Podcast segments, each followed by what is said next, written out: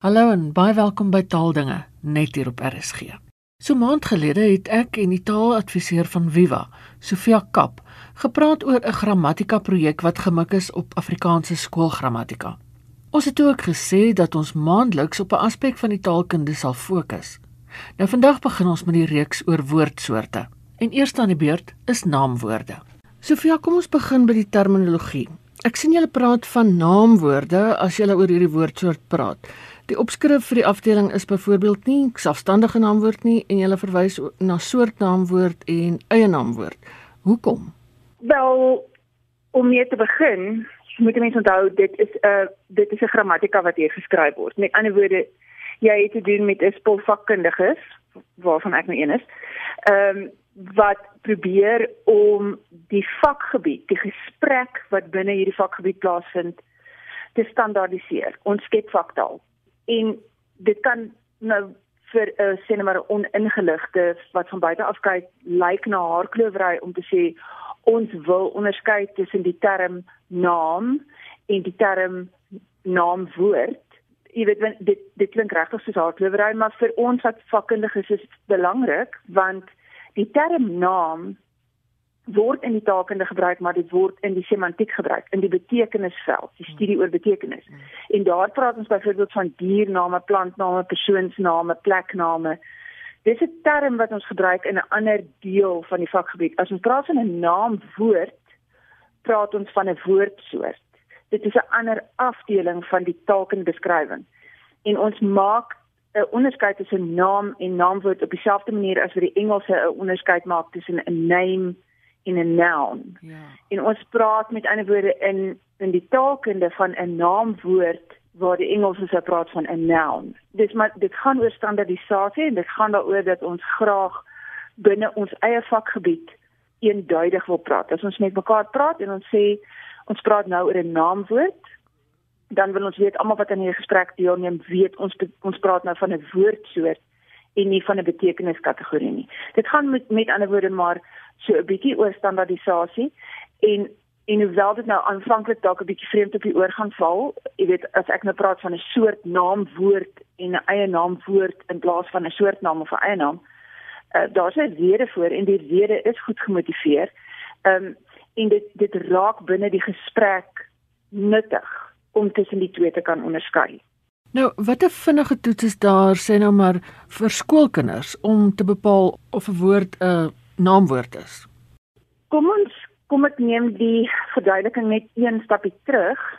Uh, onthou as 'n mens praat in taal praat, dan is daar daar's 'n aardige verband tussen taal en die werklikheid, want taal beskryf die werklikheid.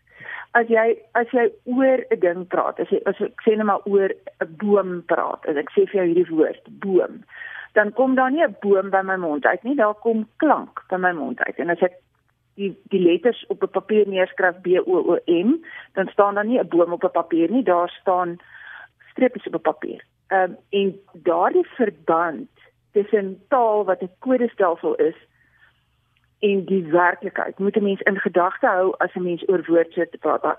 Hou hou net daardie agtergrond in gedagte. En as ek dan vir jou sê 'n naamwoord is dinge in die werklikheid se naam. Dit is die naam wat ons gee vir 'n ding wat daar buitekant taal bestaan.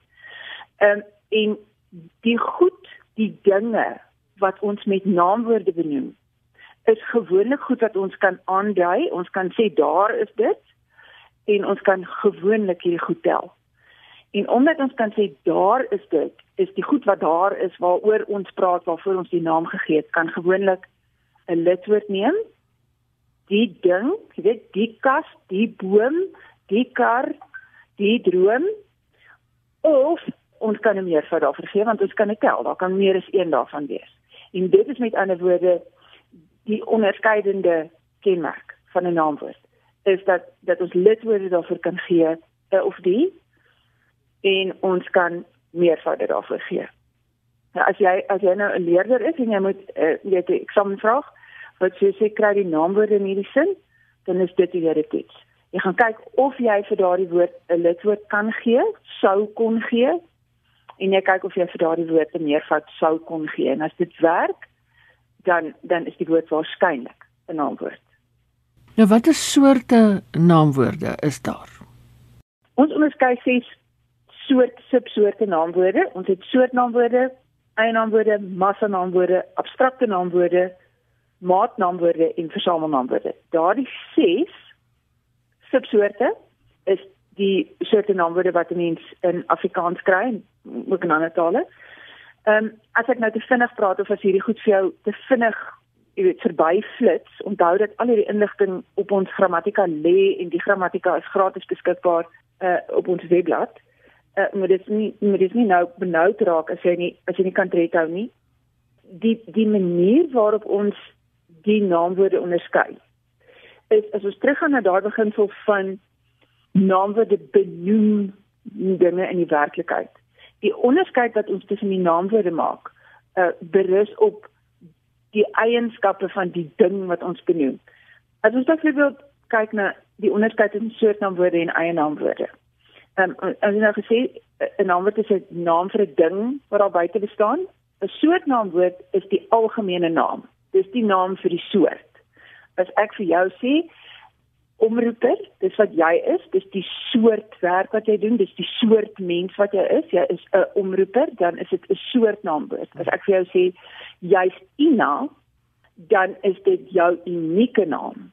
Dit is die naam waarmee ons jou van al die ander eksemplare onderskei. Mm -hmm. En dit is die onderskeid wat ons maak tussen soortnaamwoorde en eienaamwoorde. Soortnaamwoorde is die naam van die soort, die algemene naam en eienaamwoorde is die naam van die unieke eksemplaar. Daar's net een van jou en daarom het jy 'n unieke naam. Die manier hoe ons onderskei tussen soortnaamwoorde en massanaamwoorde is soortnaamwoorde benoem telbare goed.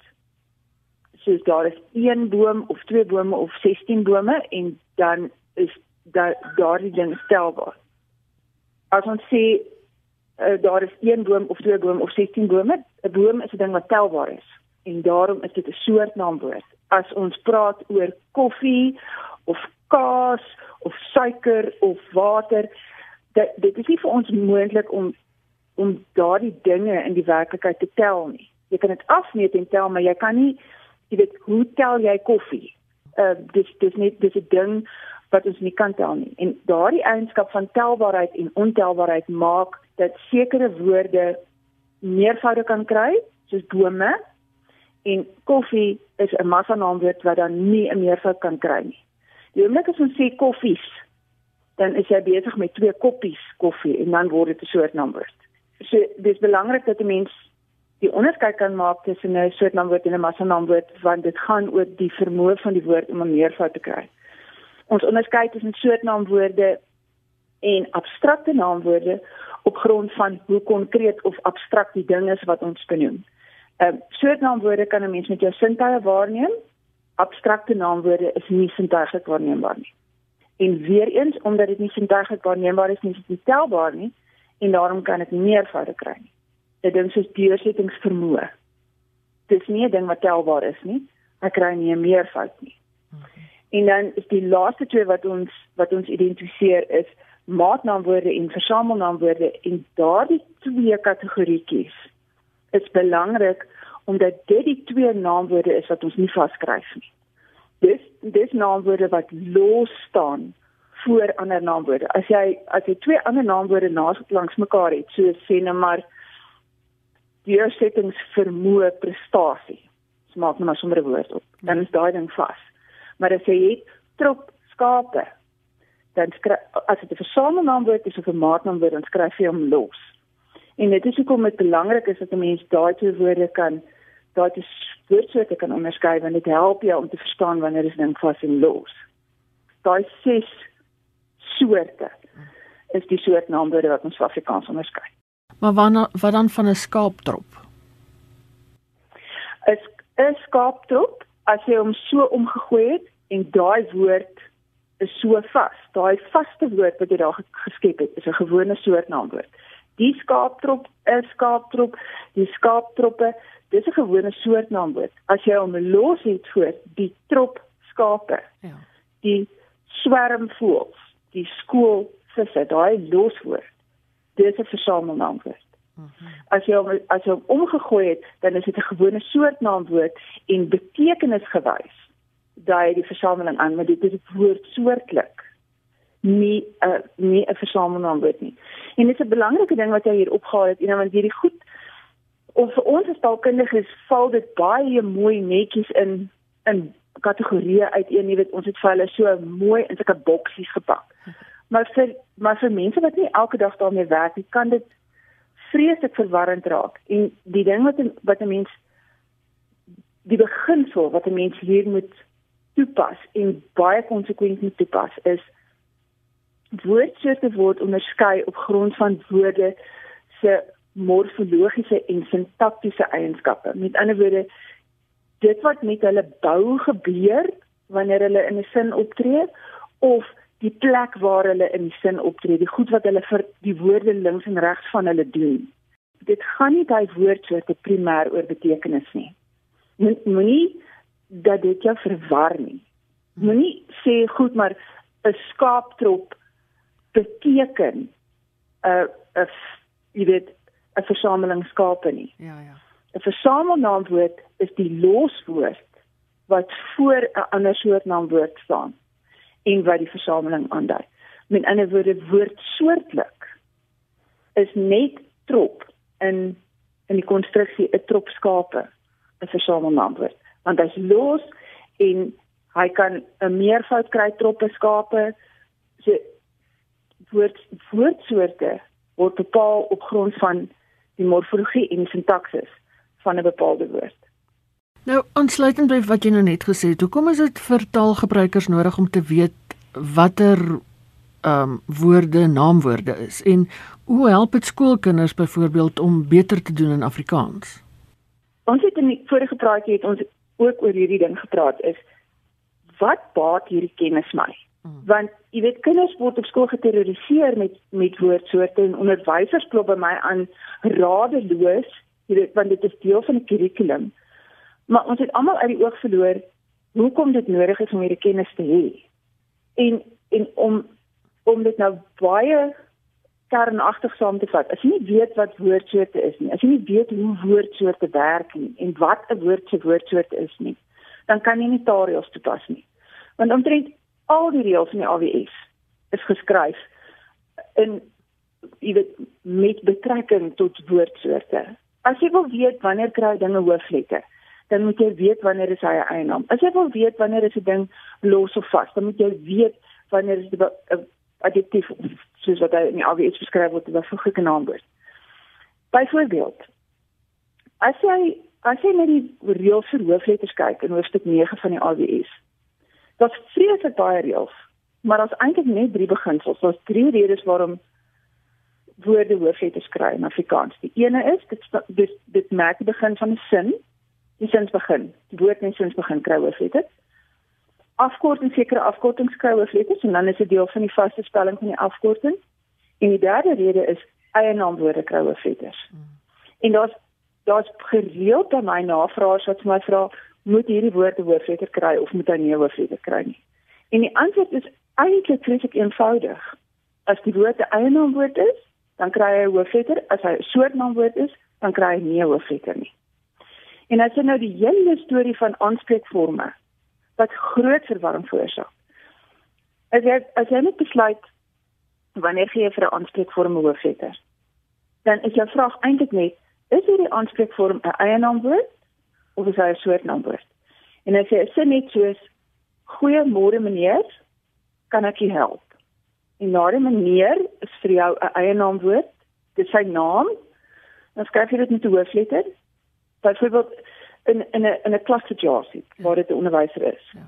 Baie keer is daai meneer die die mens se naam. Dis hoe jy hom ken. Mm. Hallo meneer, uh, of meneer het gesê ons moet hierdie werk vandag doen. Dis sy naam. Dieselfde met hallo mamma en ek mamma se kar leen. Hmm. Daai mamma is vir baie kinders dis mamma se naam. Hulle weet nie eens wat haar naam is nie. Haar naam is mamma. Ja. Dan skryf ons dit met die hoofletter, maar as jy iets het soos hoor jy pampoen, gaan jy nou dit regtig so doen. dan is daai pampoen nie 'n persoon se naam nie, dit is 'n aanspreekvorm, maar dit is nie 'n persoon se naam nie en dan skryf dit met 'n klein letter want dit is 'n soort naamwoord. Met ander woorde, al jou probleme oor oor hoofletters kan opgelos word bloot as jy weet hoe om 'n eie naamwoord te identifiseer. As jy as jy kan onderskei tussen 'n soort naamwoord en 'n eie naamwoord, dan is al jou hoofletter hoofsprekings onmiddellik opgelos. En die ander ding wat wat mense ontsettend baie help as jy as jy kan weet wat 'n naamwoord is en watter soort naamwoord jy net te doen het. Is daai hele kwessie van los en vaskry wat ek al genoem het. Ja. As jy as jy twee naamwoorde het wat langs mekaar staan. En daai twee naamwoorde benoem een ding. En en dis waar daai een ding is een woordreel vandaan kom wat nie heeltemal reg is nie, maar twee naamwoorde wat langs mekaar staan wat een ding benoem. Soos 'n uh, prestasiebonus. Ja. Is dit nou een woord of is dit twee woorde? Dis twee soort naamwoorde. Hulle staan langs mekaar vas. As jy het ehm um, iets soos leerlingraad, dis soort naamwoorde staan langs mekaar benoem een ding vas. Daar's daar's met ander woorde groot meriete daarin, groot nut vir 'n taalgebruiker om te weet wanneer 'n ding 'n naamwoord is.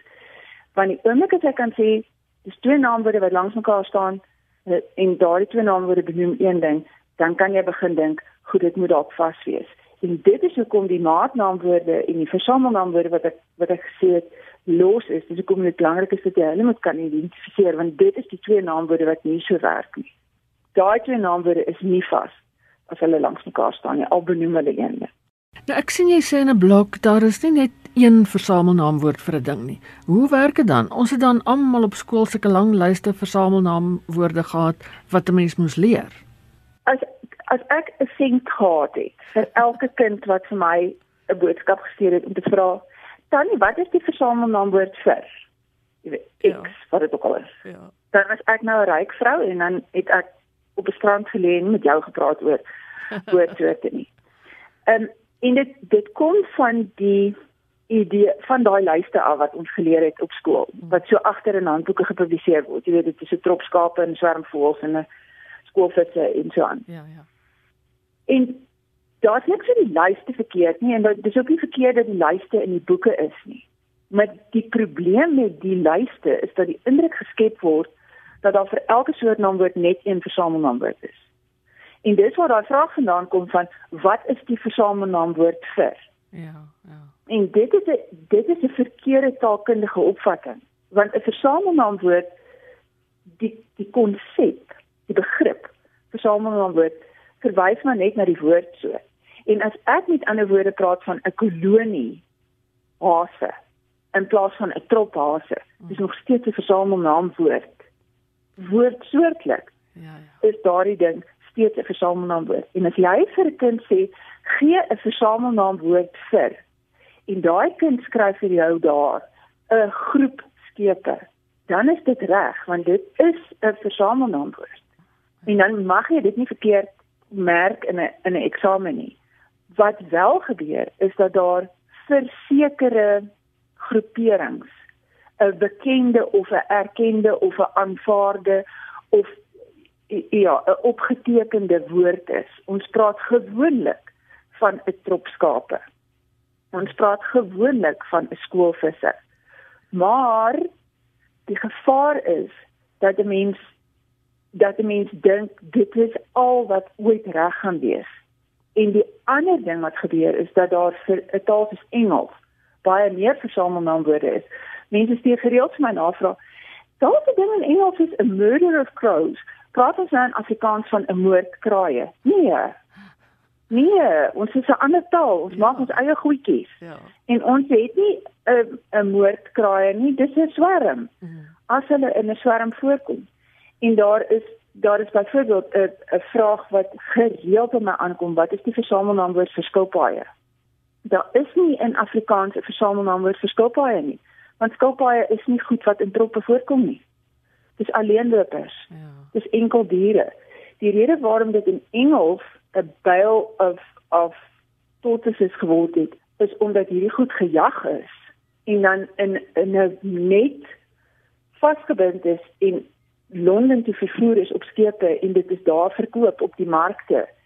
En en daardie versameling van hierdie lewende diere wat wat op die mark te verkoop is vir kos want hulle het sop daarvan gemaak. Uh daai versamelings het in Engels ontstaan, maar ons het dit nooit gedoen nie. Ons het ek weet nie van mense wat skilpad sop by dit by onthale verorder het nie. Ja. In in Afrikaans is skilpad is 'n is 'n alleenlopende ding. Hmm. En daarom het ons nie daarvoor 'n versamelnaam vir nie. So wees net versigtig om die die idee van 'n versamelnaam woord vir 'n bepaalde ding te verabsoluteer want want dit bestaan nie. Hmm. Dis dis ook reg leer die leer die versamelnaamwoorde maar maar hou net 'n oop kop oor die idee dat taal groter is as 'n lys agter 'n naamboek. Stefan, ek sien uit na die res van hierdie reeks van ons oor woordsoorte want ek leer self vreeslik baie en ek hoop skoolkinders en onderwysers en almal vind ook baie daarbey.